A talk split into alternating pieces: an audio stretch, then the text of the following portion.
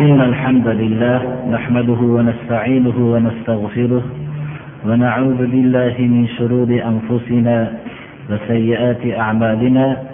من يهده الله فلا مضل له ومن يضلل فلا هادي له.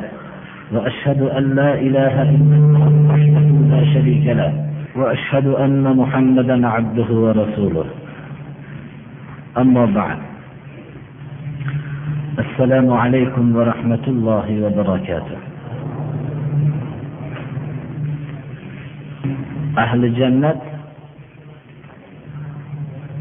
amallarining eng asosiysi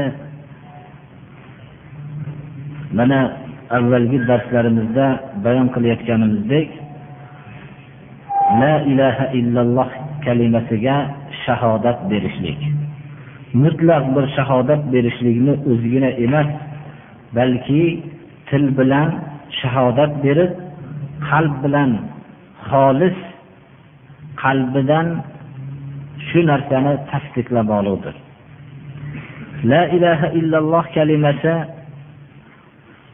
rasululloh sollallohu alayhi vasallam shu kalima bilan mabus bo'lganlarga o'xshagan o'tgan payg'ambarlar hammasi shu kalima bilan mabus bo'lishganlar. Ya'ni payg'ambar qilib jo'natilinishganlar. Risolatning bashariyat tarixidagi tub ma'nosi ham la ilaha illalloh kalimasining shahodatidir. Ya ayyuhannas qulu la ilaha illalloh deb hammalari o'zlarining ummatlariga shu kalimani aytdilar. Bu tavhid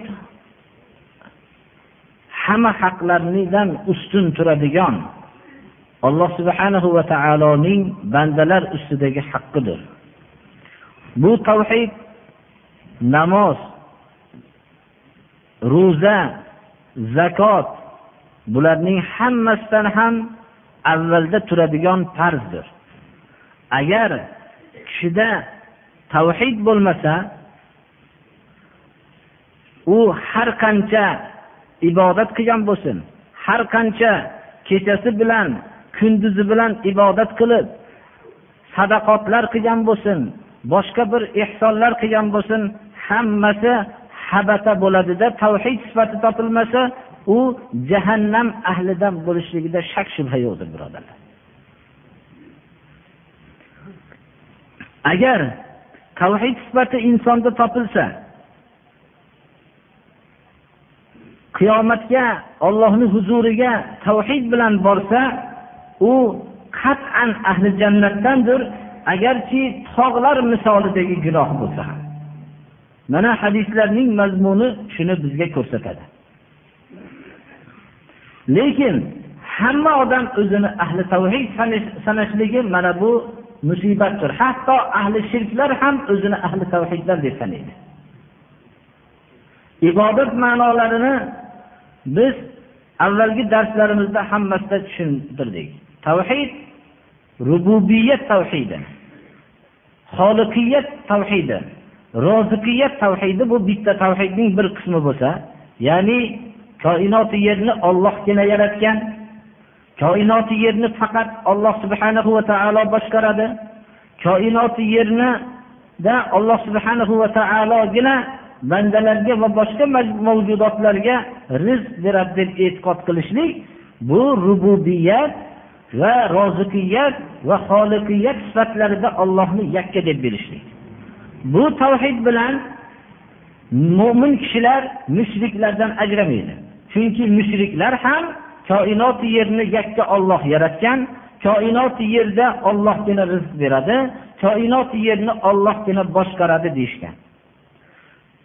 Hatto ular eshitish va ko'rish a'zolarini ollohgina yaratadi. Ollohgina o'ldiradi va ollohgina tiriltiradi deb ham e'tiqod qilishgan. Va allohga ibodat ham qilishgan mushriklar lekin shu ibodatlarda boshqa narsani sharik ham qilishgan. Mana shu sifat bilan mushrik bo'lishdi. Shu sifat ularda topilganligi uchun rasululloh sollallohu alayhi vasallam kelishmadilar va ularni la ilaha illalloh kalimasini aytmayotgan odamlar deb e'tibor qildilar. Asosiy mo'minlar bilan mushriklarni ajratib turuvchi tavhid bu alloh subhanahu va taologa ibodatni xoslash va xoslamaslikdadir agar ibodatni faqat alloh subhanahu va taoloning o'zigagina xoslansa bu kishilar ahli tavhidiki rasululloh sollallohu alayhi vasallam va o'tgan payg'ambarlar olib kelgan tavhid ahlidan bo'lishadi. Agar ibodatni ollohni o'zigagina qilishmasa ibodat ma'nolari mana ko'p ma'nolarni o'z ichiga oladi. Birinchi duo ibodat va ikkinchi ollohni yo'lida sajda qilish ruku qilish bular hammasi ibodat.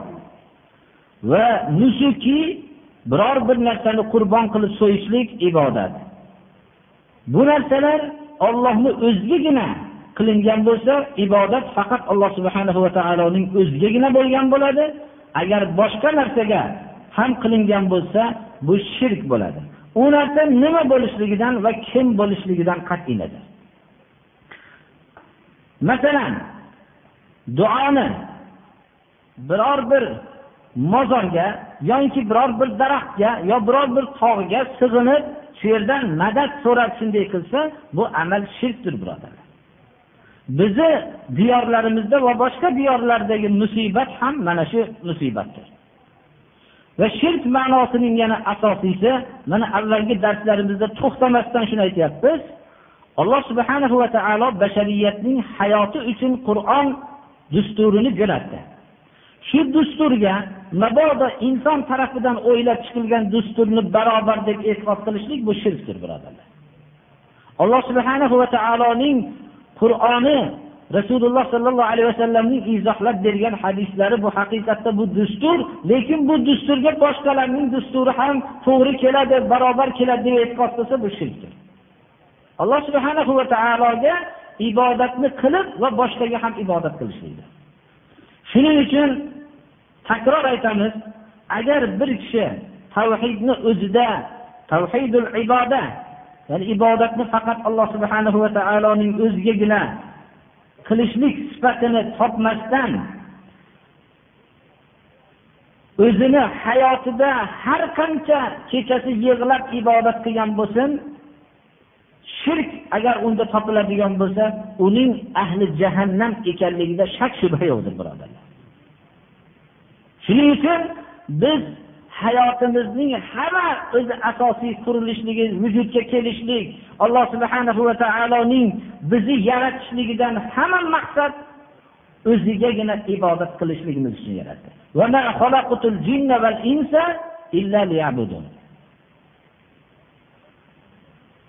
Alloh subhanahu va taolo har bir ummatga payg'ambar jo'natdi. Ollohga ibodat qilinglar va tog'utdan chetlaninglar tog'ut ollohdan boshqa ibodat qilib sig'inilgan narsa hammasini atini tog'ut deydi. Rasululloh sollallohu alayhi vasallamning olib kelgan risolatlari mana shu tog'utni parchalashlikka e'lon bo'ldi. Bu tog'utning hamma suratlarini parchaladilar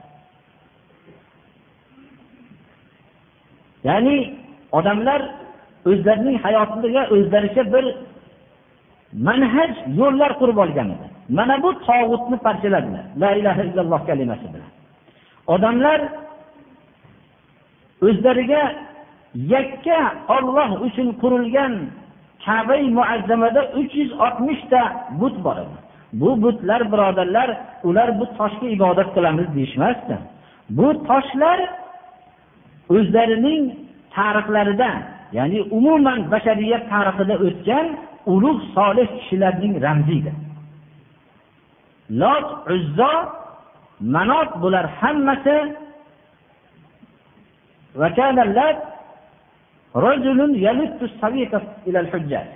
lot hojilar kelgan vaqtda ularga butun tolqonni uyutib beradigan latta yaluttu ya'ni uyutib berish uyutib beradigan bir solih bir kishining nomi edi shu odam hojilarni ochlik holatlarida shularni xizmatida bo'lganligi uchun u odam ulug' odam edida shu shu odamni ramzini qilishib shunga keyin suratlarni saqlab qolib keyingi avlod esdan chiqarib ibodat qilganlar hozirgi odamlarga ham biror bir toshdan yo bir narsadan biror bir shakl qilib olgan bo'lsa u o'tgan tarixdagi o'tgan katta kishilarning bir ramzi. Haqiqatda ham aksarlari ba'zilari solih kishilar bo'lgan ibodatli bo'lgan ba'zi ajnabiy millatlarniki o'zi tosi bo'lgan bo'lsa ham. Biz bu toshga sig'inmaymiz deydi. Ana shu kishilarni biz eslaymiz deydi. Mana shu eslashlik bilan o'ziga xos bir an'analar vujudga kelgan shu toshni atrofida o'ziga xos bir urf odatlar tashkil qilingan mana bu narsa asosiy shirkdir. Shuning uchun biz shirk amalini o'tgan ummatlardagi solih odamlarning ramzini shakllab olishlik bilan uni hurmat ko'rsatishlik bilan biz buni shirkmas deb aytishlikka hech qanday haqqimiz yo'qdir birodarlar.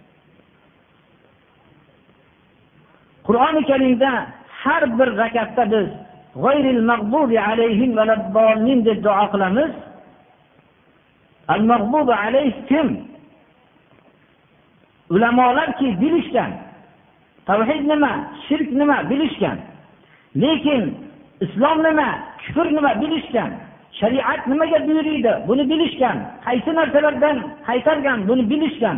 Mana shu narsalarni bilib amal qilmagan olimlar al alayhim alloh subhanahu va taolo tarafidan g'azablangan kishilardir. Shunaqa olimlardan bo'lib qolmaylik deb har namozimizda panoh istaymiz. Avvolning bo'lsa johil obidlar. Ilm yo'q lekin yig'laydi. Nafl ro'zalar tutadi. Sadaqotlar qiladi. Lekin johil. Johillik agar qaysi ummatda vujudga kelsa u ummat barbod bo'ladi birodarlar.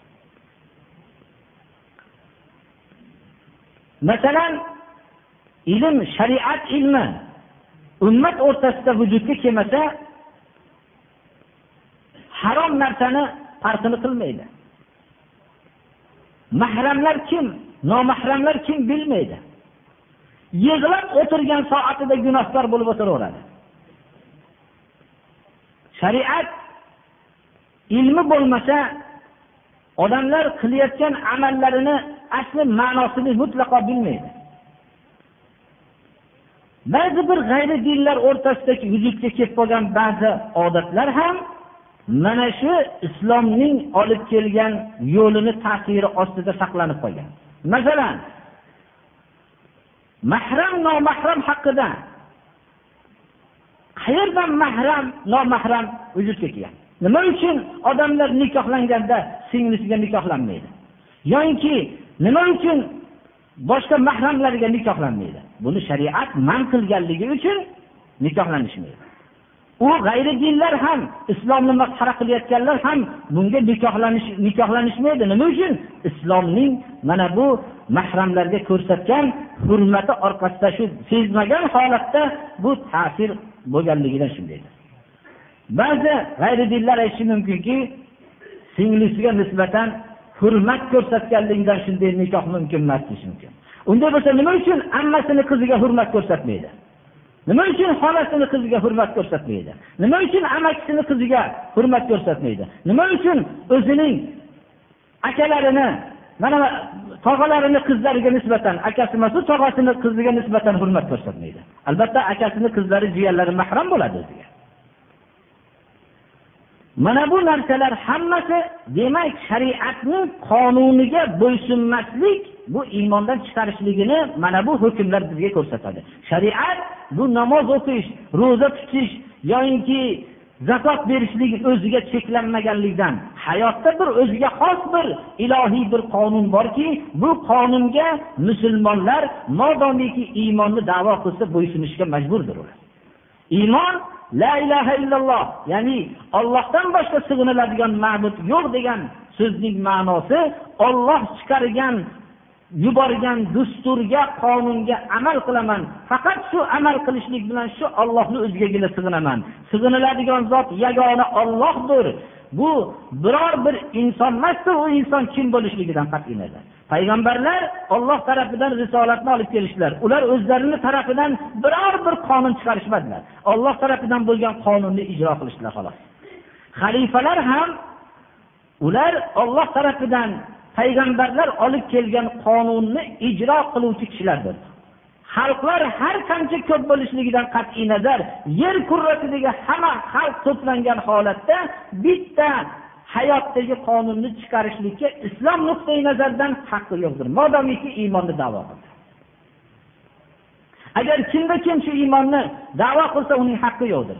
Mabodo bir odam odam tarafidan bo'lgan qonunni qabul qilishligi la ilaha illalloh kalimasiga ziddir sig'inilishlikni insonga qilgandir shuning uchun biz la ilaha illalloh kalimasini qalbini xolis qalbidan aytishlik bilan jannatga kiradi agarchi tog' gunohlari bo'lsa ham يا ابن آدم لو أتيتني بتراب الأرض ذنوبا لا تشرك بي شيئا لأتيتك بتراب الأرض مغفرة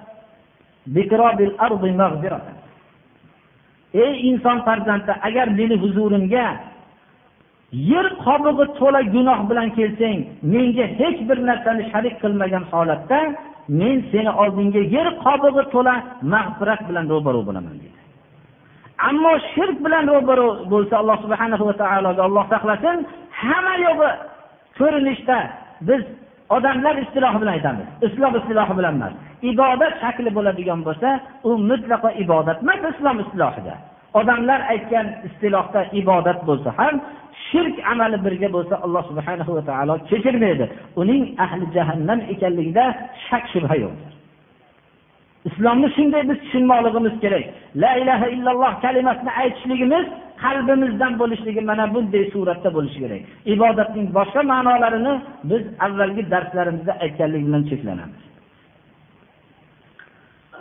Shu la ilaha illalloh bu urvatul musqo mustahkam bir asosdir mustahkam halqadir la ilaha illalloh bu kalimatu taqvodir shu. La ilaha illalloh bu millati ibrohimdir. La ilaha illalloh alloh subhanahu va taolo qiyomatgacha bo'lgan bashariyatga mana shu kalimaga sodiq bo'lib qolishlikka buyurdi la ilaha illalloh kalimasi insonnigina emas balki inson va jinni shu kalimaga amal qilishlik uchun alloh subhanahu va taolo yaratdi. Shuning uchun biz vujudga keldik. Alloh subhanahu va taolo biror bizni yaratishlikda hojati yo'q edi. Biror bir dunyoda bir kam narsa yo'q ediki shuni bashariyat bir to'ldirib qo'yishlik uchun.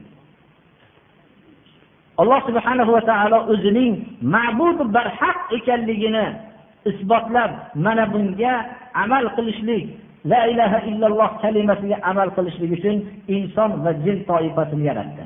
va bu ibodatning samarasiga alloh subhanahu va taolo jannatni va'da qildi bu ibodatdan bosh tortganlarini jahannam bilan ularga jahannamni xabarini berdi alloh subhanahu va taolo إن الله لا يغير ما بقوم حتى يغيروا ما بأنفسهم ذلك بأن الله لم يكن مغيرا نعمة أنعمها على قوم حتى يغيروا ما بأنفسهم alloh subhana va taolo mana bu ikki oyatda odamlar o'zlarining holatni o'zgartirishmasa ularning holatini olloh o'zgartirmasligini aytdi. Ya'ni avvalgi oyatda deb tag'yirni o'ziga nisbat berganda qavm kalimasini ikki oyatda ham iste'mol qildi. Ya'ni ijtimoiy holatni o'zgartirish alloh subhanahu va taoloning ixtiyorida ekanligini bildirdi. Hatto bilan tag'yirni nisbatini insonlarga berganda u o'zgartiriladigan narsani shaxslariga bog'ladi. Ya'ni insonlar o'zlarining shaxsiy shaxslardagi holatni isloh qilishmasalar ya'ni har bir odam fardiy holatda o'zini o'nglashmasalar alloh subhanahu va taolo ularning ijtimoiy holatini o'zgartirmaydi dedi.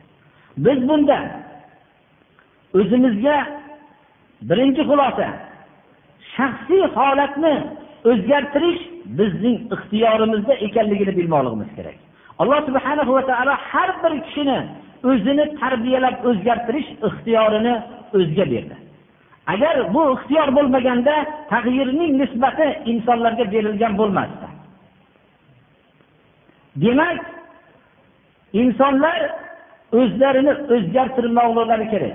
Har birlari o'zining shaxsiy ahvolida islom nimani buyurgan bo'lsa qilmoqligi kerak. O'zining oilaviy ahvolida o'zining nimaga alloh subhana va taolo buyurgan buni qilmoqligi kerak. Agar shuni qilishsa alloh subhana va taolo shaxslardan tashkil topgan oilalardan tashkil topgan ijtimoiy holatni olloh subhana va taolo o'zgartiradi. Xulosaning ikkinchisi o'zimizning o'zgartirishlik birinchi xulosa o'zimizga alloh subhana va taolo ixtiyor bergan bo'lsa ijtimoiy holatni o'zgartirishlikda bizga ixtiyorni bermadi. Biz ijtimoiy holatda xalqlarning hammasini ulfat qilishlikni alloh subhana va taolo nisbatini bizga bermadi.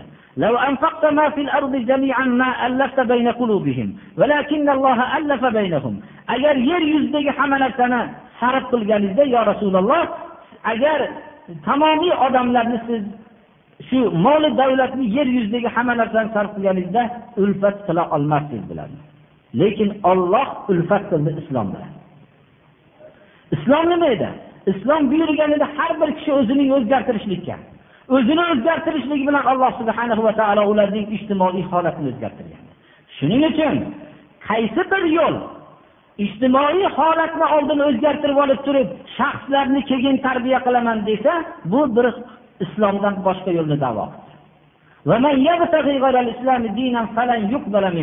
islomdan boshqa yo'lni talab qilgan odamdan alloh subhanahu va taolo ko'rinishda har qanday chiroyli bo'lsa ham qabul qilmaydi. Undan keyin mutlaqo qabul qilinmaydi. Hatto islomini alloh subhana va taolo o'ziga nisbat berishlikdan ham tortindi. Ya'ni kim islomdan boshqa yo'lni qabul qilgan bo'lsa talab qilgan bo'lsa olloh qabul qilmaydi ham demadi. Alloh taolo uni qabul qilmaslik ro'barasiga ham kelmaydi undan mutlaqo qabul qilinmaydi.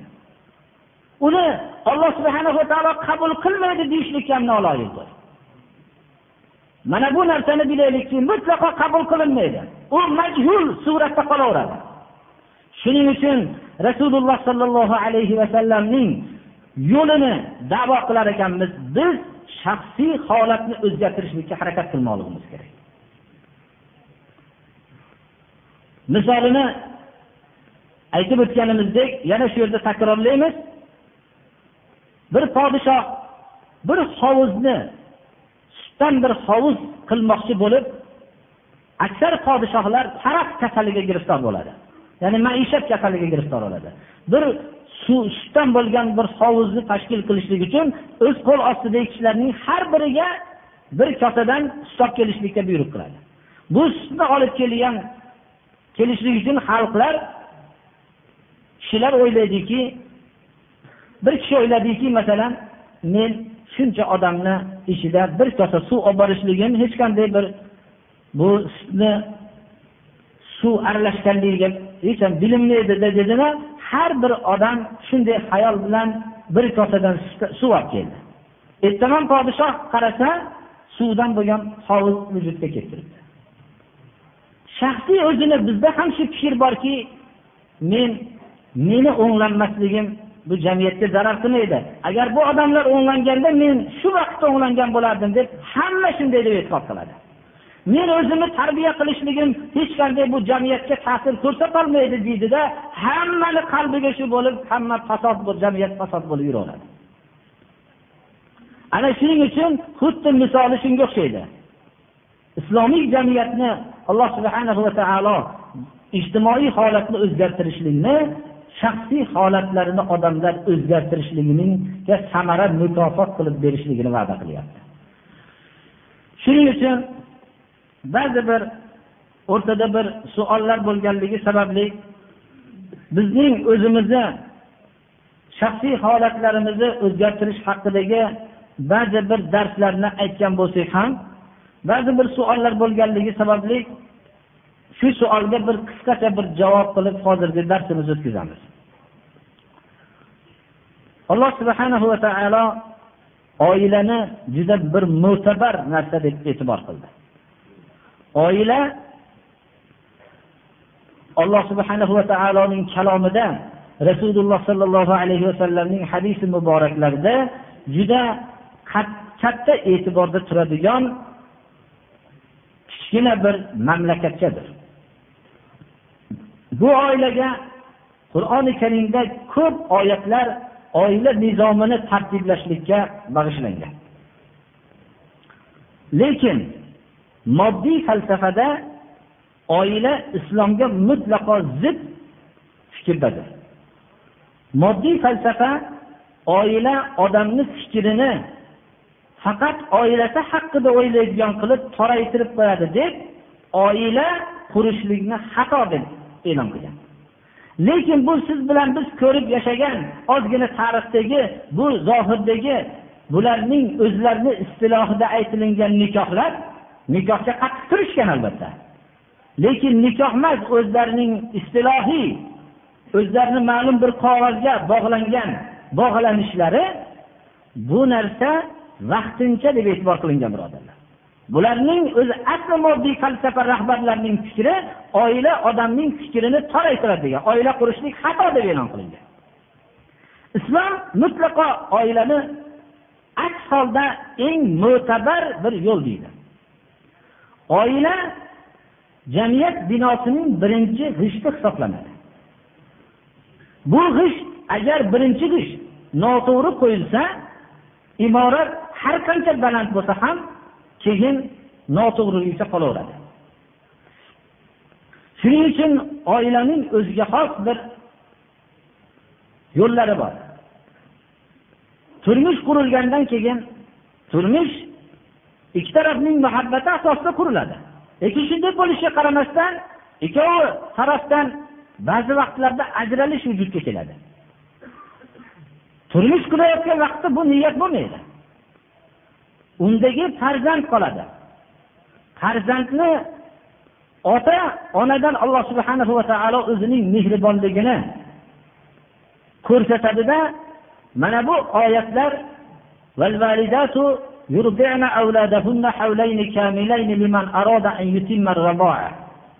farzand vujudga keldi tug'ildi. Oilada ajralish vujudga keldi. Alloh subhanahu va taolo bu farzandni o'zining kafolatiga oladi. Onalar ixtiyorli emas. Ona o'g'ilmi qizmi farzandlarini emizadi. Ko'ksidan sut beradi. Ikki yil to'la muddatda. Bu sut berish muddatini komil qilishlikni maqsad qilgan kishilarga. Ikki yil to'la majbur bolani ko'ksidan sut berishlikka. Ixtiyorli emas. So'rashadiki bu bolaning vujudga kelishligida ota ham sabab ediyu ota rohati bilan yuraveradimi ona ikki yil ko'ksidan sut berishligi ikki yilgacha ro'zg'or qilishlikdan mahrumligiga ham dalolat qiladi birodarlar.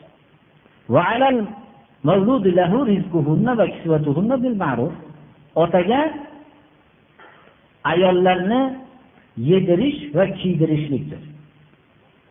Otaga alloh subhanahu va taolo vazifa qildi o'ziga muvofiq bo'lgan amalni yedirish va kiydirishlik chunki bu farzandning vujudga kelishida u sharikdir. Lekin bu yerda ona farzandga qarayotgan bo'lib ota uni yedirib kiydirishlik vazifasi unga yuklangandan keyin ikkoviga ham toqatidek narsani buyurildi. Otani aytilmadiki sen shunga sut berasan demadi. U bolani ko'tarib yurib sut beradigan ayollarni stadion qilib qo'ymadi. Ayolni buyurmadiki sen bu yedirib kiydirasan deb toqatidan tashqari narsaga buyurmadi islom. Toqatidek narsaga taklif qilindi.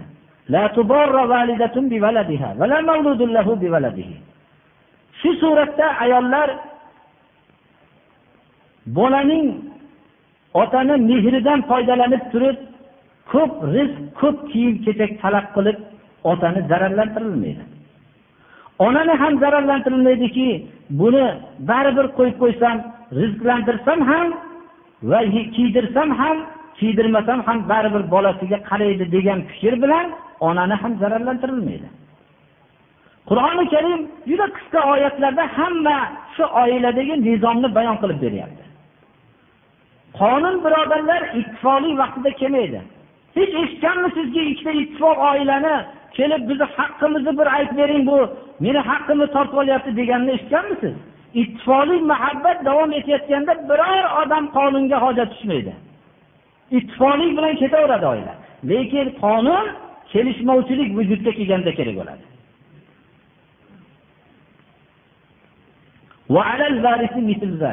Endi ota vafot qilib ketsa bu farzandga qarashlik merosxo'rlarda ham davom etadi. Merosxo'rlar shu bolaning otasi bajaradigan vazifani bajarib yuradi. Ana islom oila haqida juda ko'p narsalarni rioya qilganligidan bitta bir nizomdir shu. Va shu nizomlardan bittasi alloh subhanahu va taolo mo'min kishilarni ajnabiya ayollardan ko'zini yumishlikka quyi qilishlikka buyurdi. Va mo'mina ayollarni ham ajnabiy erkaklardan ko'zini past ya'ni quyi qilishlikka buyurdi.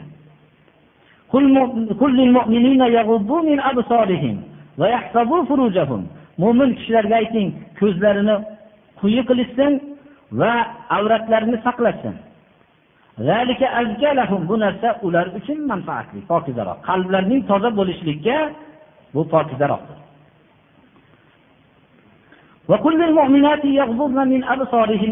Mo'mina ayollarga ayting ular ko'zlarini quyi qilishsin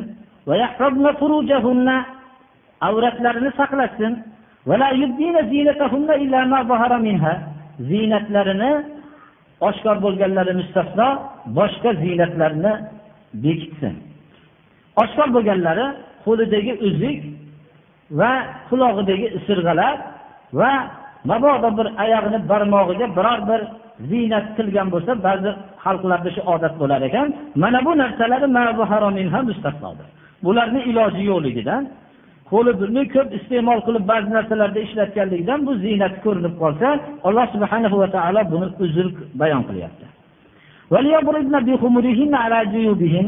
ro'mollarini yoqalariga tashlasin odatda yoqalar bo'yinlarga yoqa qilinmasligi sababli keng bo'lganligi uchun ro'molni tashlab yurishlik o'zining fitnaga sabab bo'ladigan joylarni bekitishligiga ro'mol sabab bo'ladi. Ziynatlarini maxsus odamlargagina ko'rsatsin deb alloh subhana va taolo mahramlarni bizga bayon qilyapti. Islom ayollarni tabiatini ziynatlanadigan qilib yaratdi. Bu tabiatni kerakli o'rinlarga ziynatlanishlikni ibodat deb sanadi. Abdulloh ibn abbos bu er kishilarga ayol kishilarning ustida haqqi bor ayollarning er ustida haqqi bor degan oyatda aytgan ekanlarki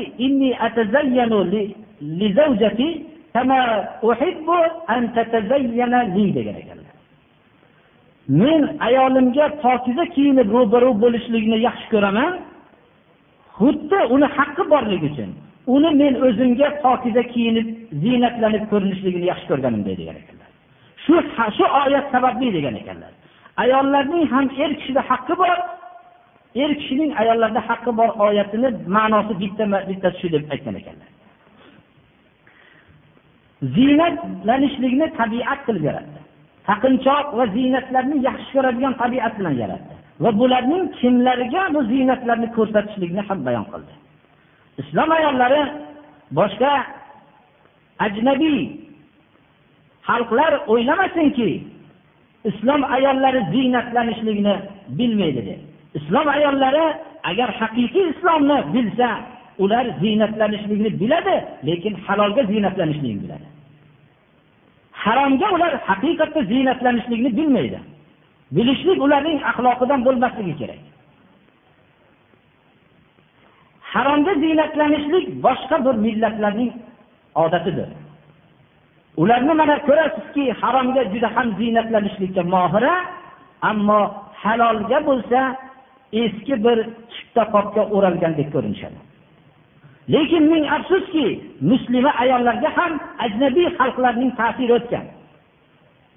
Ularning o'zlari boshqa joylarga chiqib ketayotganda hamma fitnalari bilan chiqishadi uyga kelganda halol ziynatlanadigan o'rinlarda nihoyatda bir harob holatda yurishadi. Mana bu ajnabiy xalqlarning ko'p odatlari bizga o'tgandek qatoridagi o'tgan odatlardan bittasidir qur'oni karim ziynatlarning kimga ko'rsatishligi haqida. Birinchi turmush o'rtoqlariga ziynatlarni ko'rsatsin chunki turmush o'rtog'iga ayol kishining ziynatini ko'rsatishlik hayotining muhabbat bilan davom etishligiga sabab bo'ladi.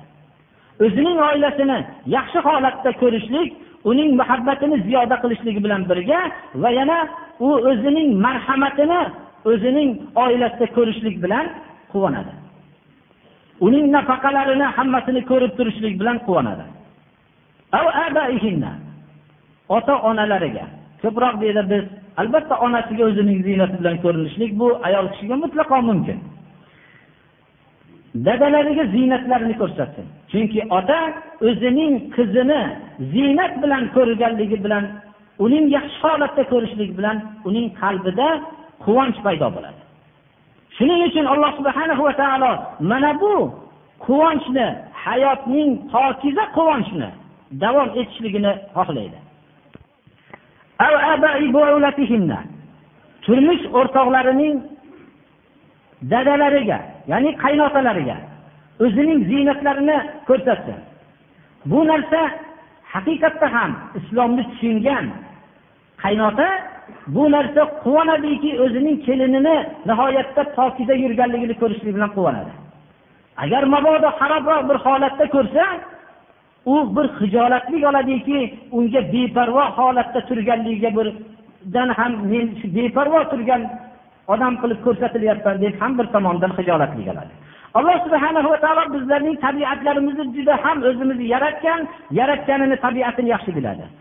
Qaynota ya'ni turmush ayolning turmush o'rtog'ini dadasi albatta ziynatli holatda ko'rishligini bilan xursand bo'ladi. Lekin ba'zi bir mustasno bo'lgan suratda mabodo biror bir yomon g'arazlar bilan fikri sahih bo'lmaganlar yomon ko'rishligi mumkin. Ayollar o'zlarining farzandlariga ziynatlarni ko'rsatdi. Farzandlari o'zining onasini pokiza kiyinganligini ozoda kiyinganligini ziynatli holatda ko'rishligi bilan farzandning quvonchi ziyoda bo'ladi.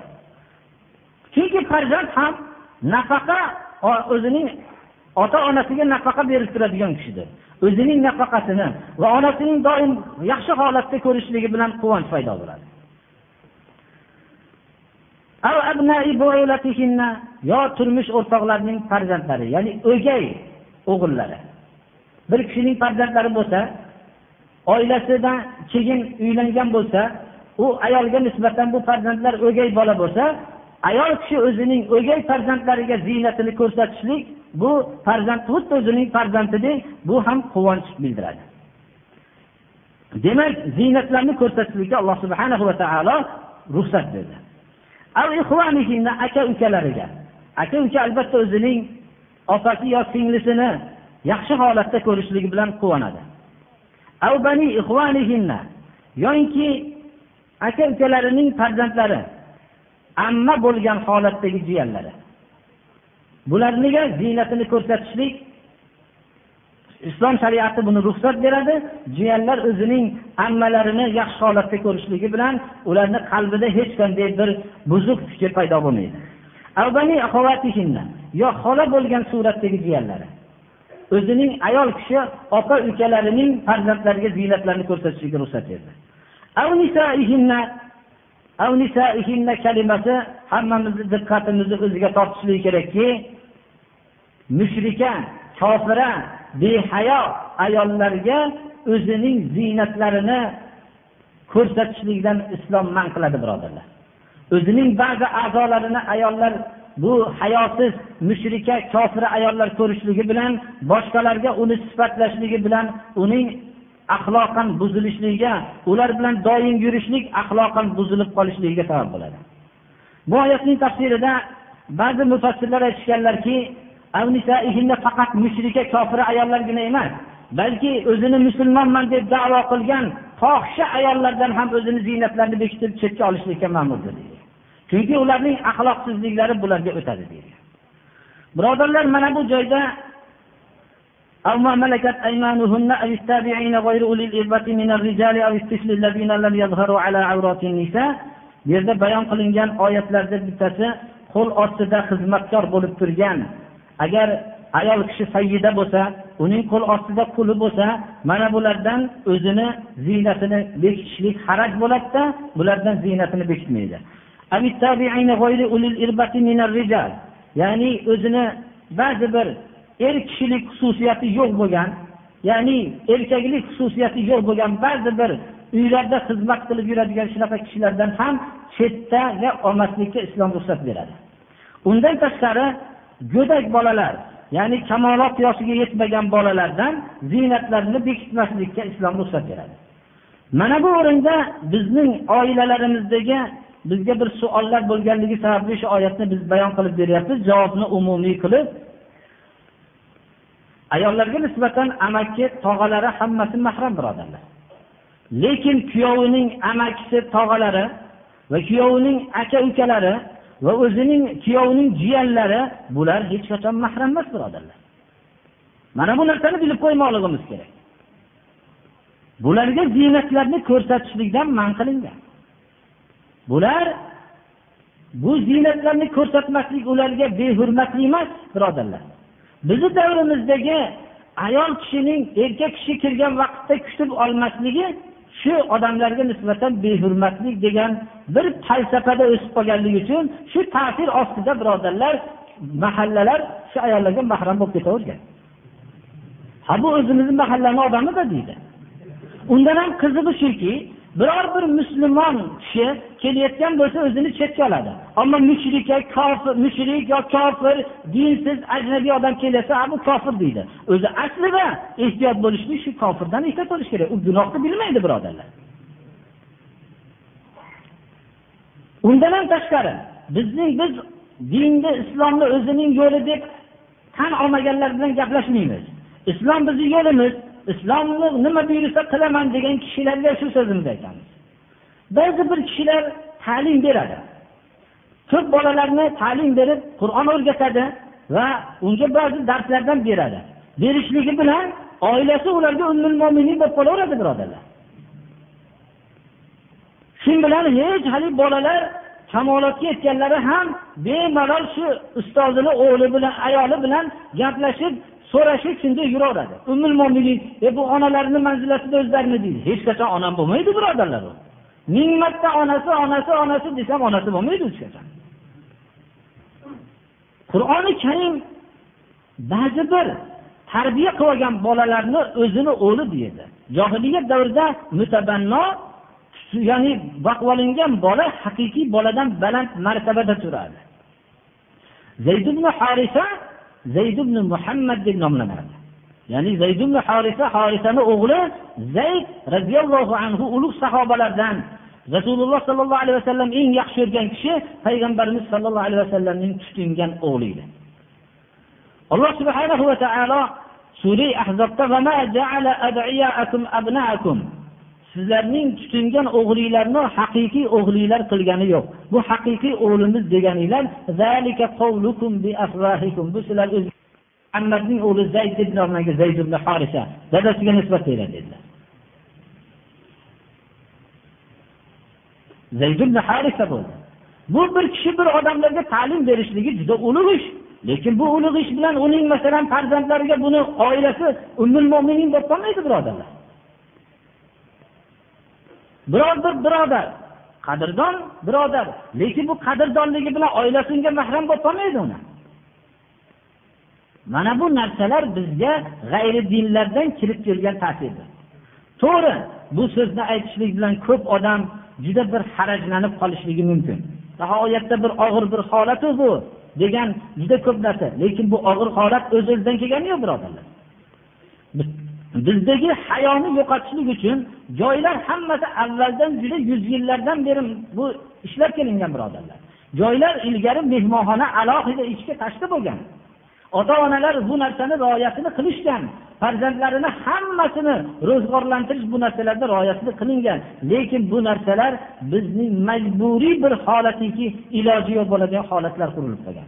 Shuning uchun baribir biz oilaviy ahvolda o'zimizni shaxsiy ahvolimizni nihoyat darajada tarbiyalashlikka o'nglashlikka muhtojmiz birodarlar. Birodarlar tarafidan uch to'rt xil xatlar kelgan ekan men shu darsimizni mavzusida ba'zi bir mahramlarni aytib o'tishligimiz bu bizni o'zimizni zaifligimizdan paydo bo'lgan birodarlar. Mana islom diyorlariga borilsa hamma aka ukalar bir birlariga juda hurmatda baland lekin oilalar alohida ular o'tirishadi. Mabodo biz harajlanib qiynalayotgan bo'lsak bu ham o'zi zaifligimizdan gapiryapti. Shunaqa vaqtda uni istiqbol qilib kelish kelinga biror bir so'z aytishlikka mabodo javob savol javob qilishlikka parda orqasidan javob savol qilishlikka ruxsat bo'lsa ham hatto rasululloh sollallohu alayhi vasallamning azvoji mutahharotlarga sizlar ovozinglarni pardani orqasidan javob beringlar va buni boshqacha ovoz qilib gapirmanglar. O'zinglarni odatiy ovozinglar bilan javob qilinglar deydi. Bu ham savollarga javobki ba'zan bir kishilar so'rashadilarki uyda ayol kishi bo'lsa faqat er erkak kishi tashqaridan chaqirsa nima javob qilishlik kerak? Deyilganda o'zining odatiy ovozini o'zgartirmasdan yo'qligini bildiruvchi kalima aytsa albatta islom ruxsat beradi biz bunday har xil bir moddiy falsafada dinsiz hayotda yashaganligimiz uchun bu narsadan bir qiynalib harajlanayotgan bo'lishimiz mumkin. Lekin baribir haqiqatni aytishimiz kerak islom dini bizga shuni yo'llaydi. Mahramlar kimligini mana biz bayon qildik birodarlar. Hammaga tushuntirilishi kerak ota onalarga sekin astalik bilan tushuntirish kerak bir islomning bir qulimiz. Islom nimani buyursa qilamiz. Islom qaytargan narsani biz qaytamiz lekin bu meni fikrim emas. Faqat alloh subhana va taoloning bizga bergan ta'limi demoqligimiz sahobalarning fazilatlaridan abdulloh ibn masud roziyallohu anhuning fazilatlariga mana kelgandik. Abdulloh ibn masud birinchi bor qur'oni karimni rasululloh sollallohu alayhi vasallamdan keyin makka mushriklariga eshittira olgan dovyurak sahobalardandir. Ashobi rasululloh sollallohu alayhi vasallam bir kuni jamlanishdilarda aytishdilarki bu quraysh qur'onni eshitmadida. Bir oshkor ularga bir o'qib berilganligini eshitmadi. Eshitsa bir ta'sirlanib qolarmidikin degan fikr qilishdilar.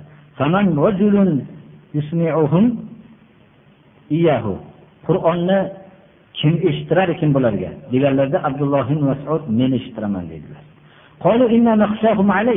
Biz qo'rqamiz sizdan sizni zaifsiz jismonan zaifsiz sizni urishadi. Deganlar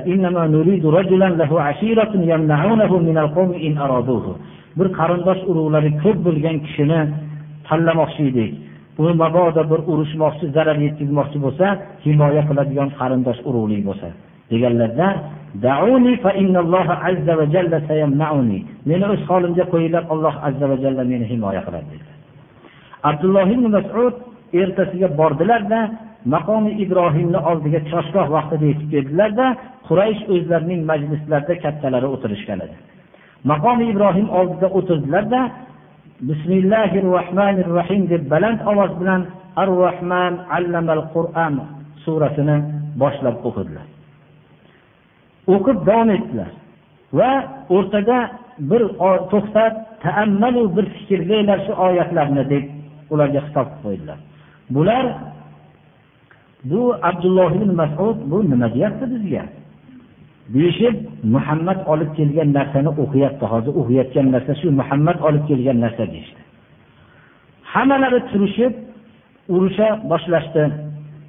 Bu kishi to hollari qurib qolguncha to'xtamadilar shu kaltayayotgan vaqtlarida keyin ashobi ikromlar oldiga qaytib keldilar yuzlari nihoyatda o'zgarib ketgan edi kaltaydi zarbasidan biz shundan qo'rquvdikda deganlarda aytgan ekanlarki ما كان أعداء الله أهون علي منهم الآن ولئن شئتم لأغادينهم بمثلها Allohning dushmanlari menga nihoyatda bee'tibor bo'ldi mana shu voqeadan keyin. Avvalda ozmoz haybat bo'lib turgan bo'lsa ham shu ham yo'qoldi degan ekanlar. Haqiqatda odam qo'rqib yurgan narsasiga bir kirib chiqsa, qo'rqmay qoladi birodarlar. Agar xohlasanglar yana ertalab yana boraman dedilar. Bo'ladi eshit Ularga bir marta eshittirganing kifoya degan ishigan ekanlar sahobalar.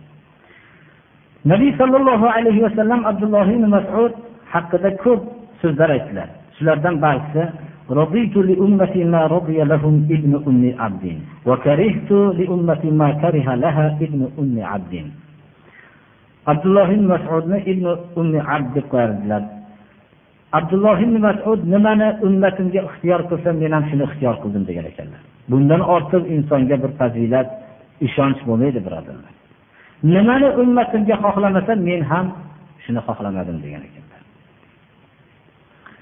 Rasululloh sollallohu alayhi vasallam aytgan ekanlarki man ahabba an yaqra al qur'ana g'addan kama unzila falyaqra'uhu ala qira'ati ibn ummi ma'abd kim qur'onni shunday xuddi nozil qilingandek yangi o'qishlikni maqsad qilib yaxshi ko'rsa abdulloh ibn masudni o'qishiga o'xshagan qilib o'qisin degan ekan.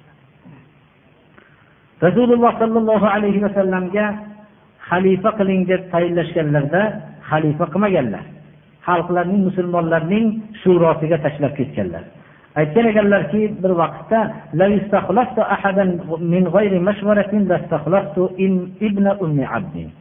agar bemaslahat birovni xalifa qilmoqchi bo'lsam abdulloh ibn masudni xalifa qilaman degan ekanlar. Abdulloh ibn masud vafotining xabari abu dardo roziyallohu anhuga xabari kelgan vaqtda aytgan ekanlarki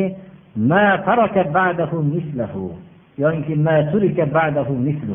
abdulloh ibn masuddan keyin abdulloh ibn masudga o'xshagan odam qolmadi degan ekanlar yamoniyga savol qilishdilarki shu abdulloh ibn masud odamlarning rasululloh sollallohu alayhi vasallamga eng axloqda hidoyat yo'lida ko'rsatishlikda eng yaqini kim deb aytib bering ey huzayfa deganlarda javob bergan shu kishidan biz olib shu kishiga quloq solib yursak deganlarda aytgan ekanlarki rasululloh sollallohu alayhi vasallamga bu eng bu sohada o'xshagan kishi abdulloh ibn masud degan ekanlar yamoniy yana ba'zi rivoyatlarda aytgan ekanlarki abdulloh ibn masudni rasululloh sollallohu alayhi vasallamga maslakda yurish turish hidoyat yo'llarida o'xshagan odamni ko'rmadim hatto uyini devori bekitguncha uyini ichiga kirganda o'xshaydimi o'xshamaydimi bilmayman degan ekanlar umar ibn hattob xalifalik davrlarida maktub yo'lladilar. Maktub jo'natilingan o'rindagi kishilar maktubni ochib o'qishdilar. Assalomu alaykum deb maktubda shu yozilgan edi. Ammo ba'd فإني قد بعثت إليكم عمارا أميرا وعبد الله معلما ووزيرا. men ammorni amir qilib jo'natdim sizlarga abdullohni muallim ustoz va ammorga vazir qilib jo'natdim وإنهما من نجباء أصحاب محمد. وممن شهد بدرا اسمعوا لهما وأطيعوه وقد آثرتكم بهما على نفسي muhammad alayhissalomning ashoblarini tanlanganlaridan badrda hozir bo'lganlardan ikkovlariga quloq solinglar itoat qilinglar. Men bu ikkovlarni yonimdan jildirmasdim lekin o'zimdan ko'ra sizlarga isor qilib sizlarni afzal ko'rib jo'natdim shu dedilar. Rasululloh sollallohu alayhi vasallam qur'oni karimni mukammal o'rganishlikni to'rt kishiga shu ta'limini to'rt kishiga topshirdilar. Qur'onni to'rt kishidan olinglar dedilar. من ابن مسعود وأبي بن كعب ومعاذ بن جبل وسالم مولى أبي حذيفة. فقال عبد الله بن عمرو لا أزال أحبه بعدما رأيت رسول الله صلى الله عليه وسلم بدأ به. قرآن ترك شدان إلى عبد الله بن مسعود أبي بن كعب معاذ بن جبل سالم مولى حذيفة. شك شدان ترى أولادان إلى عبد الله بن عمرو أيتدلر birinchi abdulloh ibn masudni boshlaganliglarida eshitganimdan keyin u kishini doim muhabbat qilib yurdim degan ekanlar abdulloh ibn masudni nihoyatda oyoqlari ingichka nimjon kishi ekanlar كان يجتني سواكا من الأراك للنبي صلى الله عليه وسلم وكانت الرياح تطفأه وكان في ساقية دقة قال فضحك القوم فقال رسول الله صلى الله عليه وسلم والذي نفسي بيده والذي نفسي في يده لهما أثقل في الميزان من أحد abdulloh ibn masudni rasululloh sollallohu alayhi vasallamga doim misvoklarini ushlab turardilar ko'pincha misvoklarini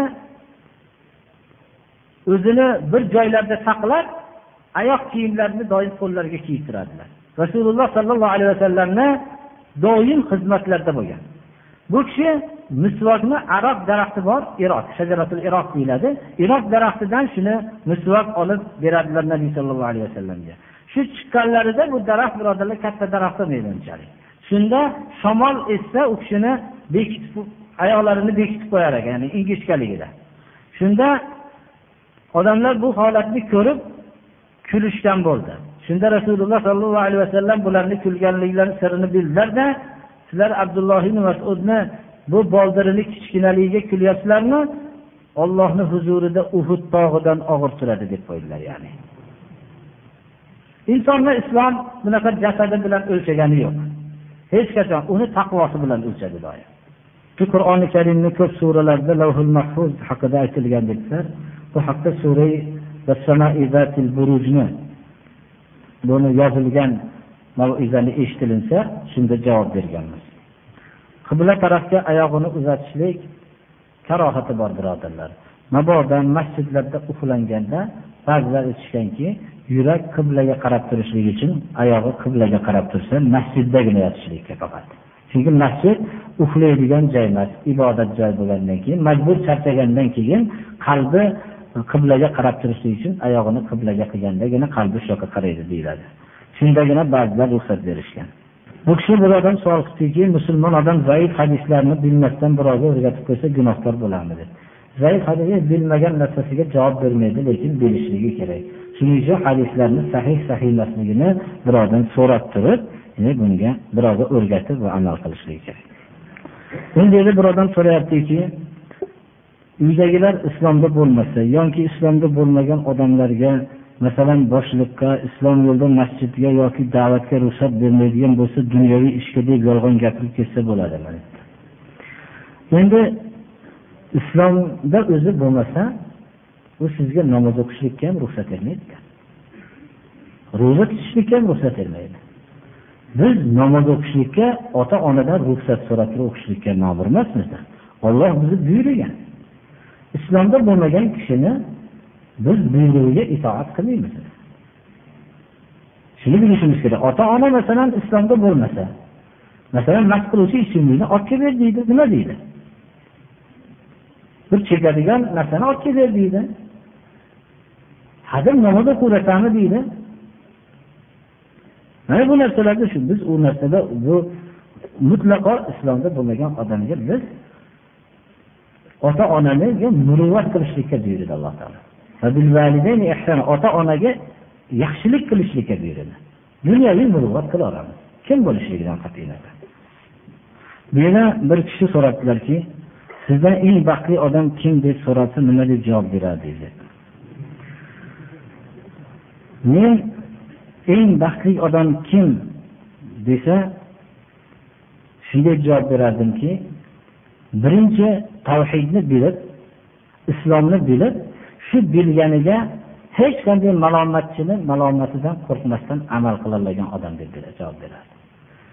Inson haqiqatda baxtliki o'zini fikri bilan hayotda yasholadi shu hozirgi hayotdagi ko'p kishilarning qiynalayotganligi iqtisodiy tomondan qiynalmaydi. Ko'p odamlar qiynaladi o'zi bir narsani haq deb turib shunga qilolmayotganligiga esilaveradi to'g'rimi hayot agar odam bir narsani haq deb bilsa shunga amal qilib yursa lekin u o'zini nazdidagini haq bo'lmasa ollohni nazdidagi haqqa amal qilib yurolmasa bu odam juda baxtli odam. Agarki uni boshida qilich o'ynab turib chopilishlikka tayyorlab tursa ham unga parvo qilmaydi. Chunki bu ham o'zini fikriga muvofiq ish kelayotganligi. Bu ham alloh taoloni huzurida shahid bo'lsam eng misli yo'q darajatni olaman degan narsaga o'zining fikriga muvofiq ishi. Hatto bu eng oxirgi hol har bir narsani baxtligi bo'ladi. Birinchi tug'ilishni baxt saodat bo'ladi. U sizni ixtiyoringizda emas musulmon oilada tug'ilsangiz. Bu sizni ixtiyoringizda emas birodarlar. O'zini go'daylik vaqtini baxtligi shuki islomga muvofiq hayotda kechirsangiz. Bu yigitlik davrini o'zini baxtli bo'ladiki ishtihodli bo'lsangiz islomni o'rganishlikka. Davlat topishlikni baxti bo'ladiki alloh subhana va taolo buyurgan joyga davlatingizni sarf qilsangiz kambag'allikni baxtligi bo'ladiki olloh bergan narsaga qanoat qilolasiz olloh bergan a'zolarni o'zini yo'liga sarf qilolasiz bu salomatlikni baxt saodatiga. Yana bu o'lishni baxt saodat o'lmasliklarga o'lamiz bu shahid bo'lib o'lishlik. Bu o'lishlikni baxt saodati bo'ladi. Insonni eng baxt saodatligi islomni fikriga ega bo'lsayu va shu fikrga muvofiq yasholmasa. Chunki azob chekmaydi. Mana umar hayyomni baytlari dod faryod qilib yozgan islomiy dunyoqarashga ega bo'lmagan umar hayyom dod faryod qilib biz umar hayyomdan olmaymiz bir islomni yo'lini. Umar hayyomni bir shoir deb bilamiz xolos.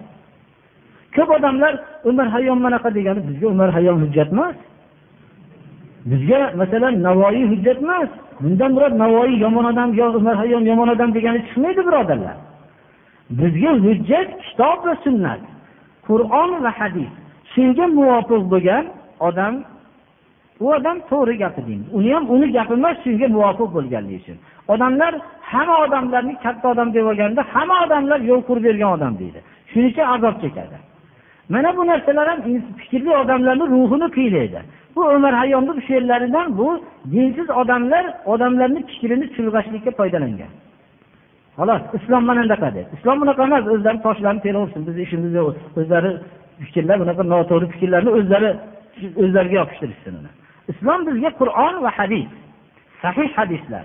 Mana bu yerda kelgan yo'l bizga haq mana bu yo'lni biz ma'sum yo'l deymiz. Saqlangan xatodan saqlangan yo'l deymiz. Chunki rasululloh sollallohu alayhi vasallam havodan gapirmaganlar. Baxtli odam mana go'daylik tug'ilish va davlatmandlik kambag'allik xullas umumiy baxtlilik shuki qanday bo'lsa ham boy bo'lsa ham musulmon bo'lsa. Kambag'al bo'lsa ham musulmon bo'lsa. Er kishi bo'lsa ham musulmon bo'lsa. Ayol kishi bo'lsa muslima bo'lsa. Bola bo'lsa musulmon bo'lsa. Qari bo'lsa ham musulmon bo'lsa. Islomga muvofiq hayot kechira olsa o'zining hayot bosqichida islomga muvofiq yasholgan odam baxtli odamdir.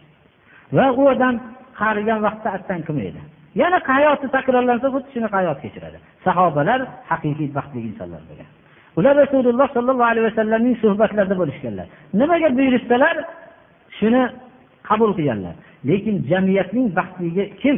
Jamiyatni bitta rahbari bo'lsa u havoyi nafsiga chaqirmasa faqat ollohni yo'liga chaqirsa u odamlar o'ylashdan xotirjam bo'lsada bu odam haq yo'lga chaqiradi degan xotirjamlik bo'lsada buyurgan narsasini qilaversa o'lsa shahid bo'lib ketadigan yo'l o'lsa yashasa nihoyatda ajr bilan yashasa molini bersa jannatda sotib olsa kambag'al o'lib sabr qilsa e, unga haqqiga men molim yo'q duo qilib yordam beray desa mana bu jamiyat ham baxtlidir birodarlar rasululloh sollallohu alayhi vasallamning atrofida jamlangan kishilar haqiqiy baxtli bo'lganlarda ular hech bir narsani o'ylashdan xotirjam bo'lishganlar. Chunki rasululloh sollallohu alayhi vasallam tanishganlar u kishi hech havolarga buyurmaydigan kishi bo'lganligini bilishganlarda nimaga buyurishsalar o'ylashmay qilishaverganlar chunki bu yo'l albatta jannatga olib boradi deb bilishganlar. Mana bu haqiqatda baxtli jamiyatdir ular o'ylashmaganlar o'lib ketganlarini ham baxtli deyishganlar yashaganlarni ham baxtli deyishganlar. Ular mol davlatlarini tutgan vaqtlarida islom yo'liga u baxtlimiz deb e'tiqod qilishganlar. Ammo ana shunday keyingi xulafolar davrida ham odamlar baxtli bo'lgan birodarlar. Baxtli jamiyat haqiqiy haq yo'lga islom yo'liga chaqiradigan peshvosi bo'lgan jamiyatdir. Ayollarning ham baxtligiligi shuki u turmush o'rtog'i islomga muvofiq kishi bo'lsa u doim to'g'ri yo'lga chaqirsa noto'g'ri narsasini noto'g'ri narsasini ogohlantiradigan o'zini turmush o'rtog'i bo'lsa. Mana bu odam bu ayol kishi baxtlidir. Xatosi bo'lsa shu saharda uni masalan tahajjudga o'yg'otadigan o'zini turmush o'rtog'i bo'lsa. Mana bu odam bu ayol baxtlidir. Er kishilarning baxtliligi ayolga nisbatan qanday baxtli? Ya'ni ko'chaga chiqib ketayotgan vaqtda islomga xatosi bo'lsa ogohlantirsa ayoli. Ko'chaga chiqib ketayotganda xususan hozirgi bizni iqtisodiy hozirgi tufon davrida deydigan ayoli bo'lsa. Ollohdan qo'rqing bizni haqqimizda bizni xonadonga faqat haloli toyibni ko'tarib keling biz darvozani ichiga kirgan narsani yoramiz javobni siz berasiz. Ammo biz sizdan buni olib keling uni olib keling demaymiz. Haloli toyibni ko'tarib keling deydigan oilasi bo'lsa bu er kishi ham bu ayoliga nisbatan shunday ayoli borligi bilan baxtlidir. Baxtli kishilarning hamma sohada o'zini bir turi bordir.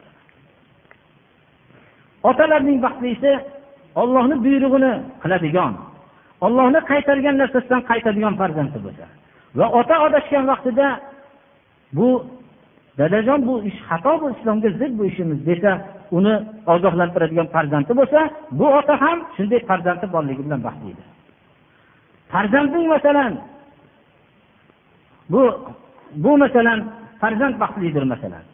Otaning ham farzandga nisbatan baxtli yana bir joyi borki xato ishni ogohlantirgan vaqtda farzandi baxtliligi dadasining xatosini aytgan vaqtida dadasi qabul qilsa va aytsaki mendan vujudga keladigan odam mendan yuqori bo'lib meni islom yo'lida xatoyimni aytadigan farzand tug'ilganligiga allohga hamdlar bo'lsin deydigan bo'lsa mana bu farzand ham shunday otasini borligi bilan faxrlansa baxtliman desa arziydi chunki u o'rtada jang bo'lmaydi.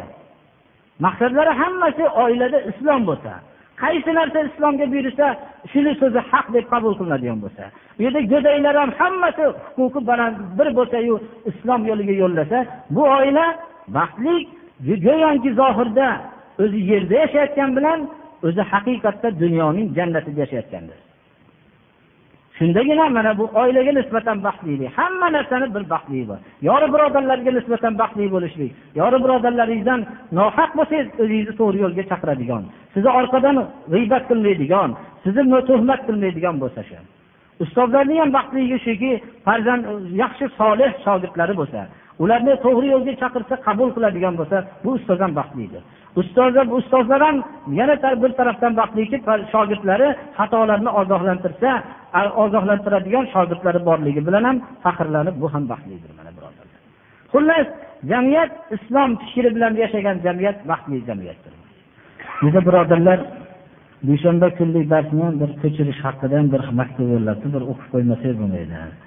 Ba'zi dushanba kunida ro'za tutgan kishilarga bir harajam bo'lib qolyapti deydi haqiqatda shu narsa to'g'ri e, gapirishadilar. Iftorlik qilishlikka ro'za dushanba va payshanba kunlari nafl ro'za tutishga odatlangan e, kishilar haqiqatda shunda men shu ozgina bir muddat o'tkazib dars o'tkazmoqchi edik.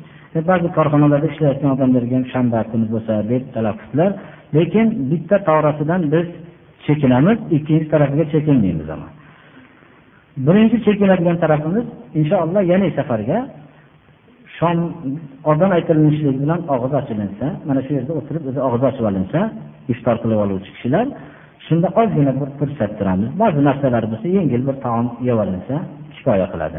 Xuftondan keyin o'zi bemalol o'tirib taomlanishligiga imkoniyat bo'ladi. O'zi asli ro'za tutishlikdan ham maqsad shu birodarlar. U haligi monti somsalarni biz yeb shom o'qishlarimiz to'g'ri kelmaydi birodarlar. O'zi bu og'zimizni ochib masjidda namozni o'qiymizda o'zi shundan keyin xotirjam bo'lib mana xufton namozidan keyin xuftongacha e, yashaydigan bo'lib endi iftor qilib olinadi shunaqa. Shanba kuni qilmasligimiz sababi shuki dushanbani tanlashligimiz biz ko'proq bu dushanba payshanba kunlari bizga nisbatan musulmonlarga nisbatan ulug' kun bo'ladi. Shanba yakshanba kunlari asli bular dam olinishlik deb e'tibor qilinishlik ham shanba yahudlar dam oladigan kun yakshanba nasorolar dam oladigan kun. Islom diyorlari bo'lsa juma kuni deb e'lon qilingan bo'lardi. Shuning uchun shunaqa narsalardan hammamiz odatda cheklanishlikka harakat qilishligimiz kerak. Bu shanba kunlar o'z öz o'zidan dam olish bo'lib qolgan emas birodarlar. Maxsus bir islomga dushmanlik asosida uyushtirilgan ishlar bular hammasi yana bir kishi tuyani suti va peshobi qorin shishiga davo deganini degan degan so'z bor deyapti. Qorin shishi birodarlar men tabib emasman tabobat kitoblarida o'qigan narsamni aytaman. Qorin shishi ikki xil bo'ladi. Istisqo deb arab tilida istisqo deyiladi. Chanqov bo'ladi. Birinchi bu shishish bilan boshlanadi. Nihoyatda xunuk suratda shishib ketadi. Bu kasalga shu istisqo kasaliga ikkov suratiga ham rasululloh sollallohu alayhi vasallam davrida bir kishilar kelishib shularni istisqo kasaliga giriftor bo'lishdi. Payg'ambarimiz sollallohu alayhi vasallam tuya sadaqotlari bor joyga ichinglar tuyaning suti va bavillaridan dedilar. Aralashtirib ichinglar dedilar. Imom shofiy rahmatullohi alayh shu hadisni hujjat qilib tuyaning bavli pokiza deydilar. Suti bilan aralashtirib ichishlikka ruxsat berganlardir shuning uchun imom azam rahmatullohi alayh yo'q davo uchun bo'lsa faqat davrlar ichida tuyani davli bilan suti dori bo'ladi deganlar. Boshqa ba'zi odamlardan savollar ham bo'lib qolyapti. Odamni davri bu najas birodarlar. O'lib ketgan afzal bunda hech qachon bu pokiza bo'lmaydi deb qo'ydilar shunaqa gaplarni ba'zi bir johil tabiblar shunaqa bir hech odamlarni islomdan bexabar bo'lgan bir majnun tabiblar shunday gaplarni aytishyapti ekan. Buni sababi shu shu hadisni hujjat qilishadilar. Lekin tabiblar buni tekshirib rasululloh sollallohu alayhi vasallamning shu so'zlariga bir hayron qolishadiki haqiqatda ham tuyaning suti bilan bayli aralashtirilganda istisqo kasalligi davo bo'lgan. Albatta u kishi vahiy bilan gapirganlari uchun shu davo bo'lgan. Endi savollarga bo'lmas savol berilmasalardi. O'lim bo'lgan uyga kapalak keladi. Deb tug'ilgan uyga ham kiraveradi birodar. Bu uyda o'lim bo'lgan uyga kapalak kiradi deb faqat odam g'amgin bo'lib hamma xomush bo'lib turganda kapalakni kirganini biladi. U tug'ilgan uyda quvnoq xursandchilik bo'lib turganda kapalakni tovushiga o'rin qolmaydi shuning uchun hozir faqat odam vafot qilgan uyga kirgan kapalak esiga keladi xolos odam. Lekin shu yerda kirgan narsa hammasi mo'jizaviy bir qalblar odamlar hayotda nihoyatda bir birlarini haqorat qiladiyu birov o'lgandan keyin odamoxirlik odamgarchilik davri boshlanadi. Birovdarchilik shu vaqtda juda bir farmonbardor bo'lib ketadi. Hatto kafalar kelganda ham uni haqida yaxshi gaplar gapirishib yuboradi shunaqa. Bu narsa bu bir bunaqa vaqtda odamlar intiolga berilishadi ta'sirga hatto shunda bir bironta bir yomg'ir yog'ib qolsa ham e bir ajoyib rahmat yog'di deydi. Bir kuy kuyib qolsa ibrohim o'g'illari vafot qilganda kuy kuygan ekan. Rasululloh sollallohu alayhi vasallamni davrida ibrohim o'g'illari ikki yoshar o'g'illari vafot qilganda kun kuygan. Odamlar payg'ambarimiz sallallohu alayhi vasallamni ko'ngllarini olaylik deb ja odamlar agar hurmatliroq odamni nima qilsa mana kun ham kuydi motam tutdi deyishib yuboradi deganlarida aytdilarki